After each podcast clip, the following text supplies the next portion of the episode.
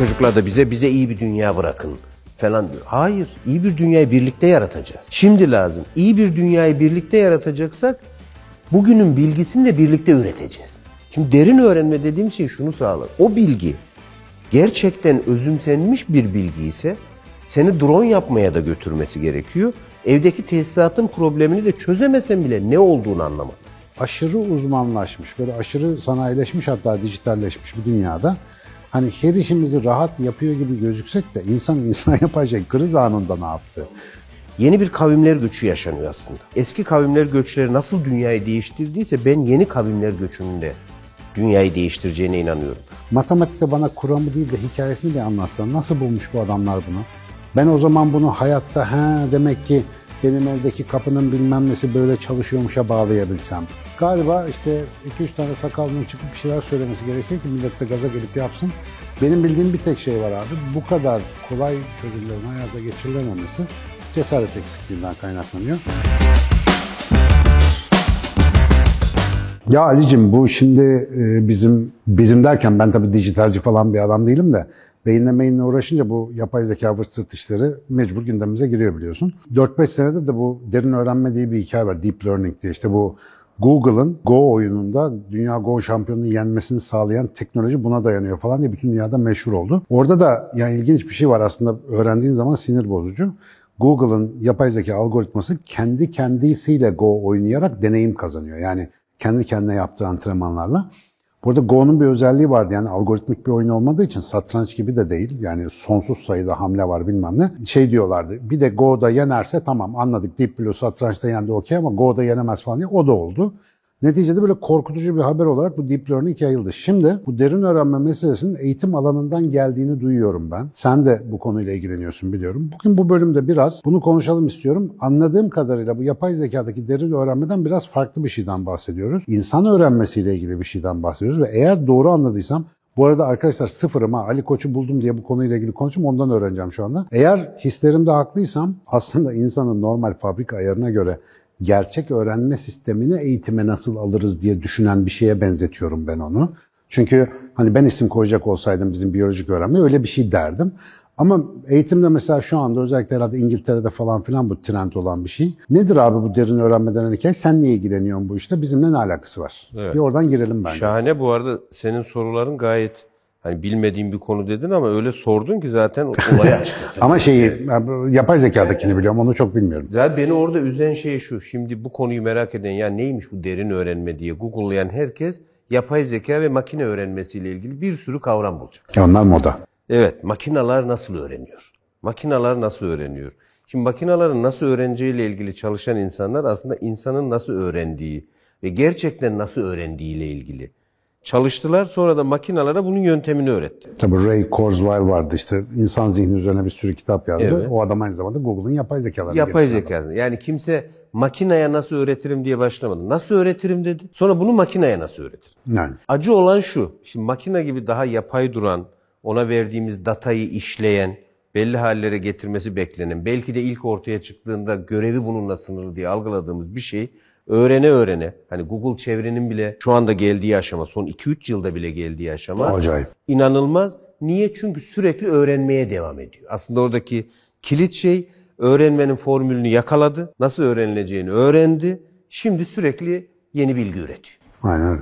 Ve ben her Google Translate'e metin yapıştırdığımda içimden hadi gene iyisin sayemde öğreniyorsun falan bunu. Her arama e, eylemimiz ona eğitiyor aslında yani. Bu arada e, hani YouTube'da bir şey söylerken reklam gibi oluyor ama iyi bir iş yapmışlar. Yapayım bir reklam.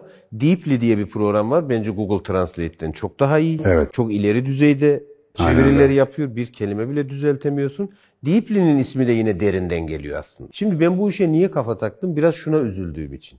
Ya insanlar için en doğru olan öğrenme modelinin makinalarda kullanılıyor olması ve makinaların ürettiği bilginin insanın ürettiğinden daha değerli olması ile ilgili bir şeye aracılık ediyoruz ve düşünsenize makinalara işimizi kaybedeceğiz, emeğimizi kaybedeceğiz, bütün her şeyi robotlar yapacak diyoruz ya. Bunları en iyi öğrenme modelini onlara hediye ederek biz yapmış oluyoruz. Aynen öyle. Şimdi Google ya da makine öğrenmesi dediğimiz şey ne? Tarifine baktığınız zaman işte katmanlarla öğrenmek dediğimiz bir şey yapıyor. Yani bir katmanda bir bilgiyi alıyor, ikinci katmanda o bilgiyi geliştiriyor, üçüncü katmanda onun yeni bir kullanım alanını buluyor. Ama bunların içerisindeki asıl formül ne?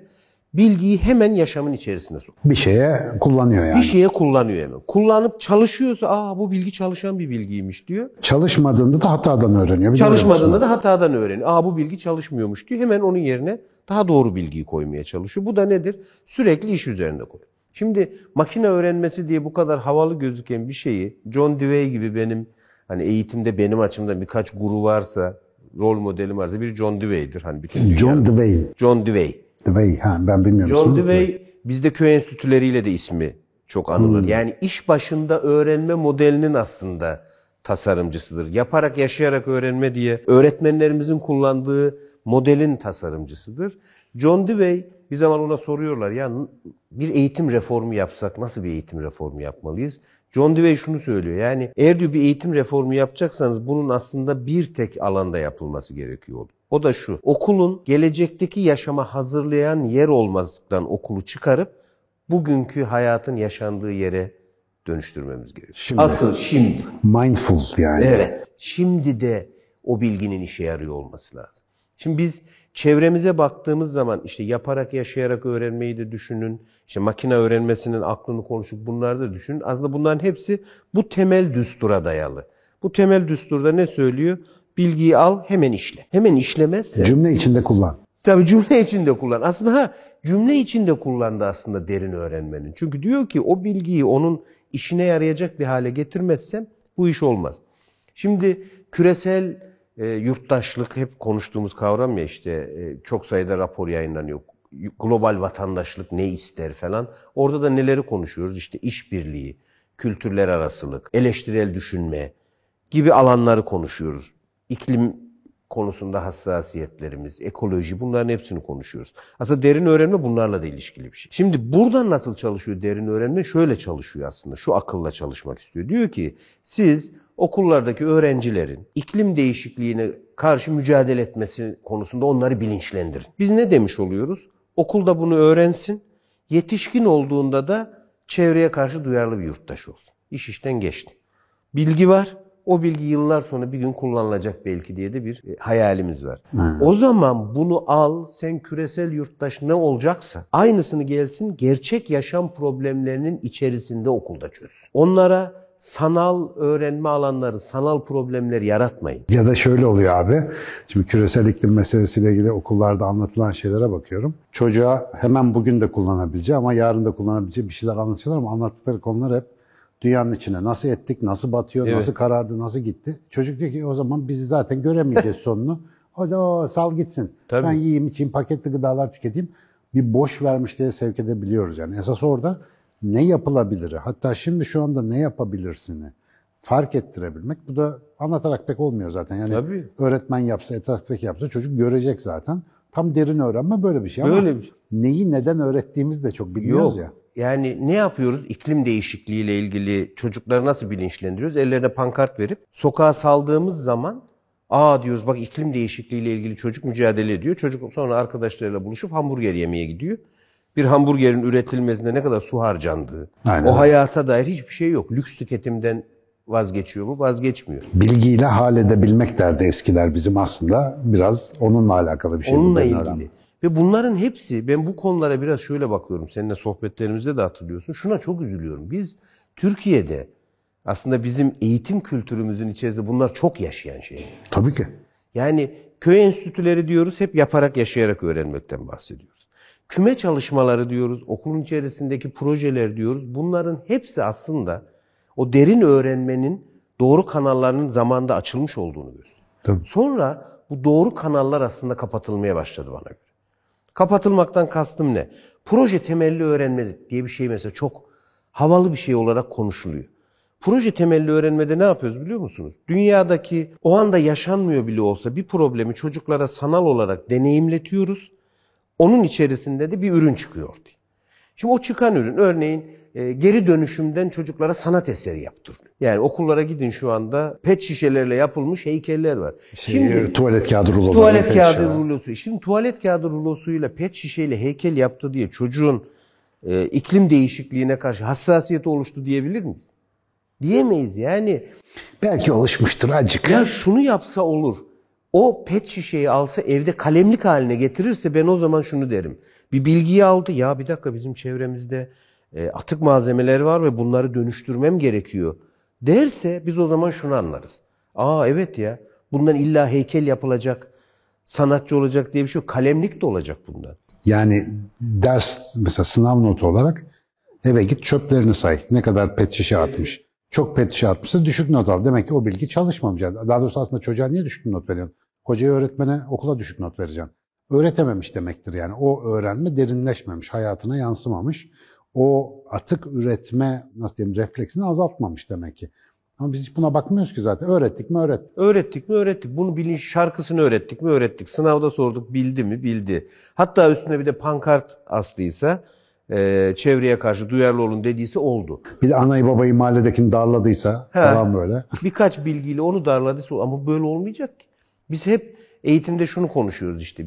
Gelecekte çocuklarınıza nasıl iyi bir dünya bırakacağız? İşte çocuklar da bize bize iyi bir dünya bırakın falan diyor. Hayır, iyi bir dünyayı birlikte yaratacağız. Şimdi lazım o. Şimdi lazım. İyi bir dünyayı birlikte yaratacaksak bugünün bilgisini de birlikte üreteceğiz. Abi şöyle bir şey geldi aklıma sen söyledin. Şimdi yıllar evvel bu üniversitelerde ilk defa mühendisler o robot kollara falan çok merak sarmıştı. Ben de mühendislerle çok çalıştığım için. Hakikaten ilk gördüğümde çok güzel. Mesela masada bir tane bardak duruyor. Biz rızit robot kol gidiyor. Tık bardağı tutuyor.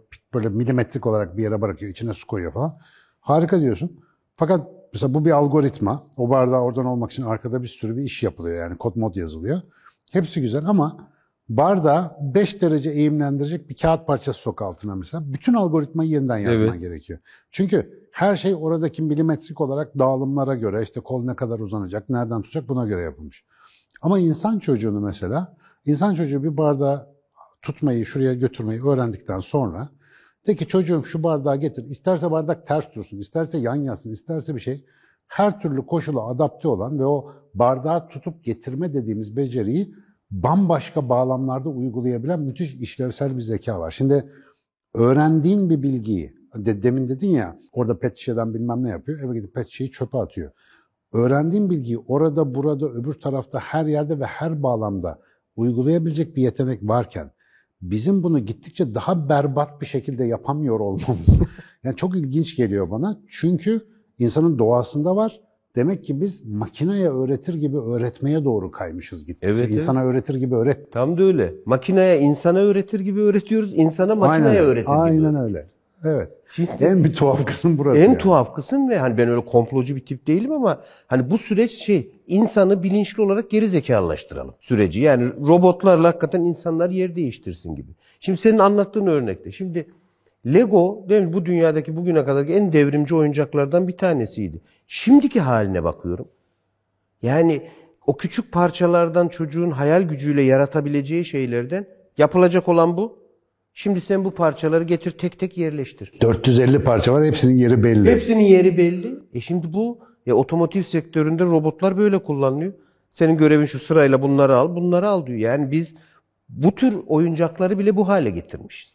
Şimdi çocuklara gidiyorsun işte kimi drone yapıyor, kimi o şeyler var ya e, okullarda yapılan yarışma, robotik yarışmaları ve diğerlerine bakıyoruz. Şimdi Coding, coding. yani coding, robotik, işte şunu yaptı, TÜBİTAK yarışmaları var. Çocuk bilmem nereden şu gelmiş.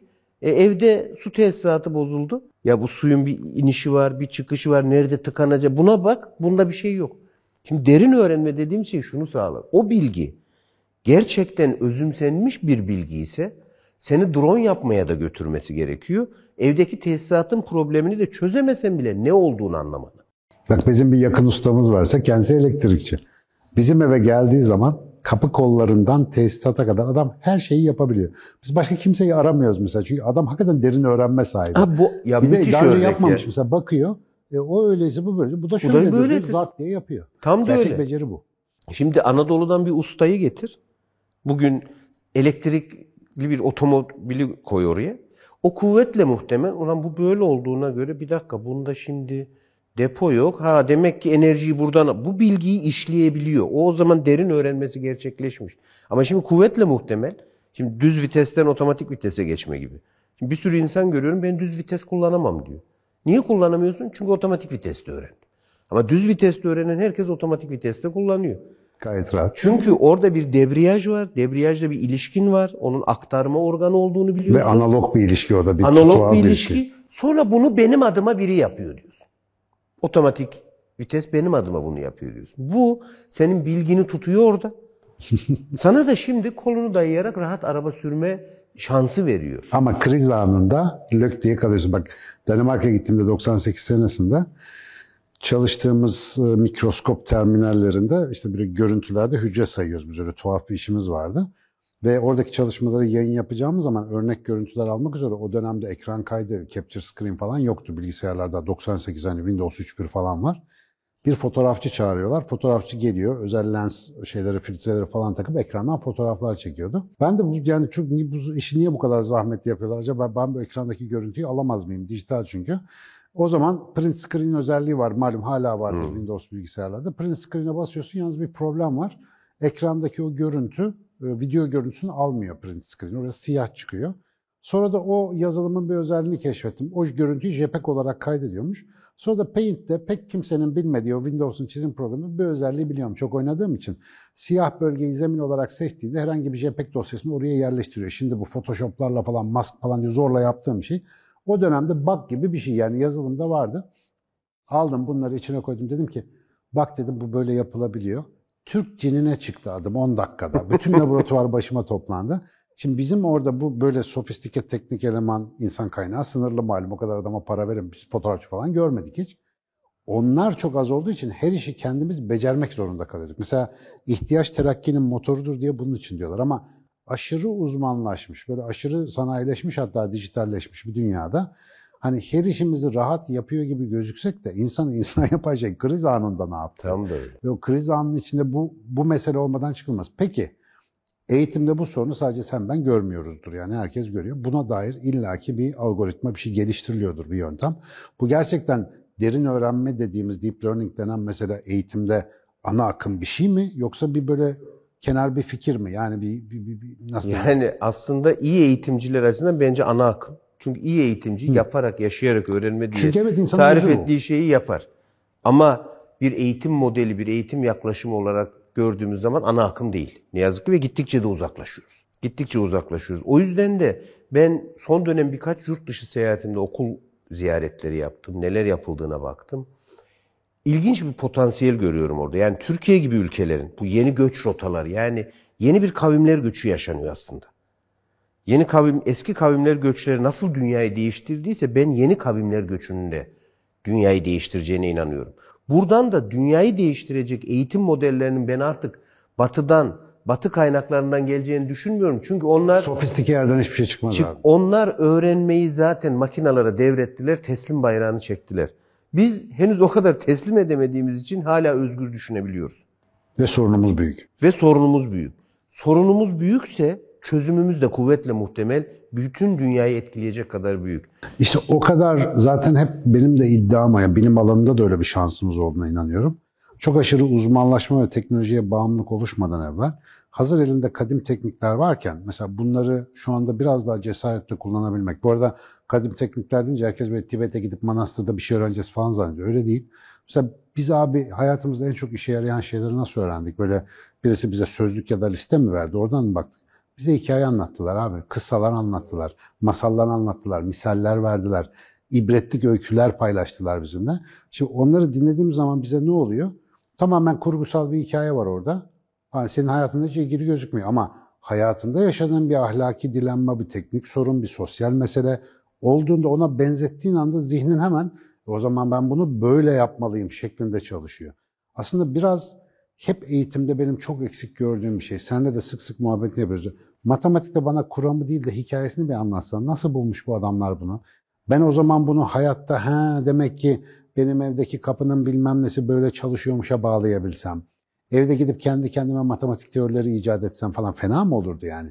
Aslında derin öğrenme dediğin şey insanı tekrar hatırlamakla alakalı bir şeye benziyor. İnsan hikayeyle öğrenir abi. Böyle listelerle öğrenmez, algoritmalarla İşte öğrenmez biz, yani. biz hikayeyle öğrendik. Şimdiki çocuklar storytellingle öğreniyor. Evet. Storytelling. Onu bile yapılandırmaya Onu bile yeniden zorundayız. yapılandırmaya kalkıştık. Yani o yüzden bu nereyi yapılandıracağımız, yapılandırmayacağımız. Ben tarihin çok önemli bir eşiğinde olduğumuzu düşünüyorum. Bu dediğim gibi yeni kavimler göçü ve dünyadaki bu alt üst oluşlar. Araya pandemi de bunu daha da yaygınlaştıran bir hale geldi.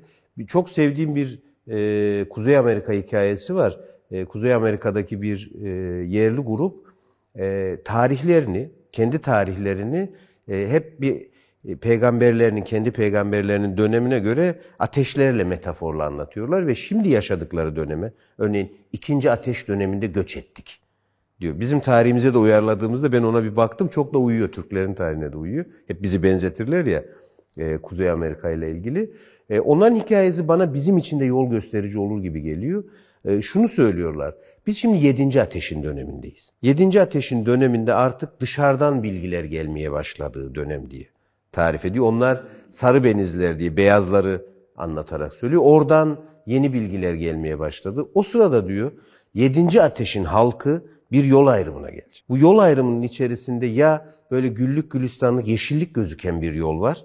Bir taraftan da böyle harabe, yıkık viran, ayaklarını kesen taşlardan oluşan bir yol var diye tarif ediyor ve onların kehanetine göre de şöyle yapıyor 7. halk. Geriye dönüyor. Diyor ki bu iki yolda değil. Biri çok rahat gözüküyor, birinde de bir tuhaflık var. Biz diyor bir geriye dönelim. Ne var bizde? Elimizde hangi güç var? Elimizdeki bu kadim güçleri, kadim kültürleri bir yeniden değerlendirelim. Ve bu kadim kültürlerden çıkan bir büyük dönüşümle de 8. ateşi yakalım. Çünkü diyorlar 8. ateş artık insanlığın son aşaması olarak bütün insanlarla kardeşliği, birlikte öğrenmeyi, e, dostluğu ve sürekli öğrenmeyi sağlayacak bir şeydir diyor. Belki de diyor 7. e, ateşin halkı 8. ateşi yakacak ve bütün dünyayı buluşturacak olan bir halktır diyor. Wow. Bu çok iddialı gözükebilir ama ben Türkiye ve Yo, o Türkiye kadar için hissettim ki ben çok e, doğru bir nokta olduğunu düşünüyorum. Yani Türkiye'deki eğitimciler, Türkiye'deki insanlar hem coğrafyamız hem batıyla, kadim kültürlerle, Anadolu'nun kültürüyle buluşmamız itibariyle 8. ateşi yakacak e, Ne topluluk çağrıştırdı olabiliriz. bana biliyor musun? Araba sürüyorsun böyle gözün sürekli ileride. Ama bir rahat araba sürerken ne yaparsın? Arada dikiz aynasına bakarsın değil mi? O arkayı da kontrol etmek çok önemli bir şey. Aslında burada öyle bir şey var. Biraz arkayı kontrol etmek lazım. Haldır haldır bir ilerlemeci bir kafa. Ali Koç bana öyle geliyor ki bizim bu muhabbetler hani ya muhabbet edelim diye kurduk ortamı ama galiba biz yeni bir eğitim modeli çıkarmaya doğru sanki gideceğiz gibi bir his var içimde yani öyle bir şey hissediyorum. Ben çok istiyorum hani başta sen olmak üzere bu alana kafa yoran bir sürü insanı bir aslında bir bir araya gelelim. Abi çünkü çok Oturalım, kolay. evet. Ya şimdi hocalar, veliler falan böyle konuşuyoruz gidiyor sana da bana da. Ne olur yok mu bir şey falan. Ya var bir şey Var. olmaz olur mu ya? Herkes de biliyor. Galiba işte 2-3 tane sakallının çıkıp bir şeyler söylemesi gerekiyor ki millet de gaza gelip yapsın. Benim bildiğim bir tek şey var abi. Bu kadar kolay çözümlerin hayata geçirilememesi cesaret eksikliğinden kaynaklanıyor. Birileri inşallah cesaretle bu işe adım atarsa e, adı isterse derin öğrenme olsun, ister kadim eğitim olsun, ister bilmem ne olsun. Adının hiç önemi yok. Biz insana dair bir şeyi tekrar masaya koyalım. Bizim eğitimle ilgili sorunumuz çözüm. Bu arada şeye çok katılıyorum. Bir çözüm çıkacaksa bizden çıkar abi. En büyük anarşi bizde var. Bunu da bir ara konuşalım. Yani ben burada çok büyük umut olduğunu düşünüyorum yani. Ben sende büyük umut olduğunu düşünüyorum. Karşılıklı.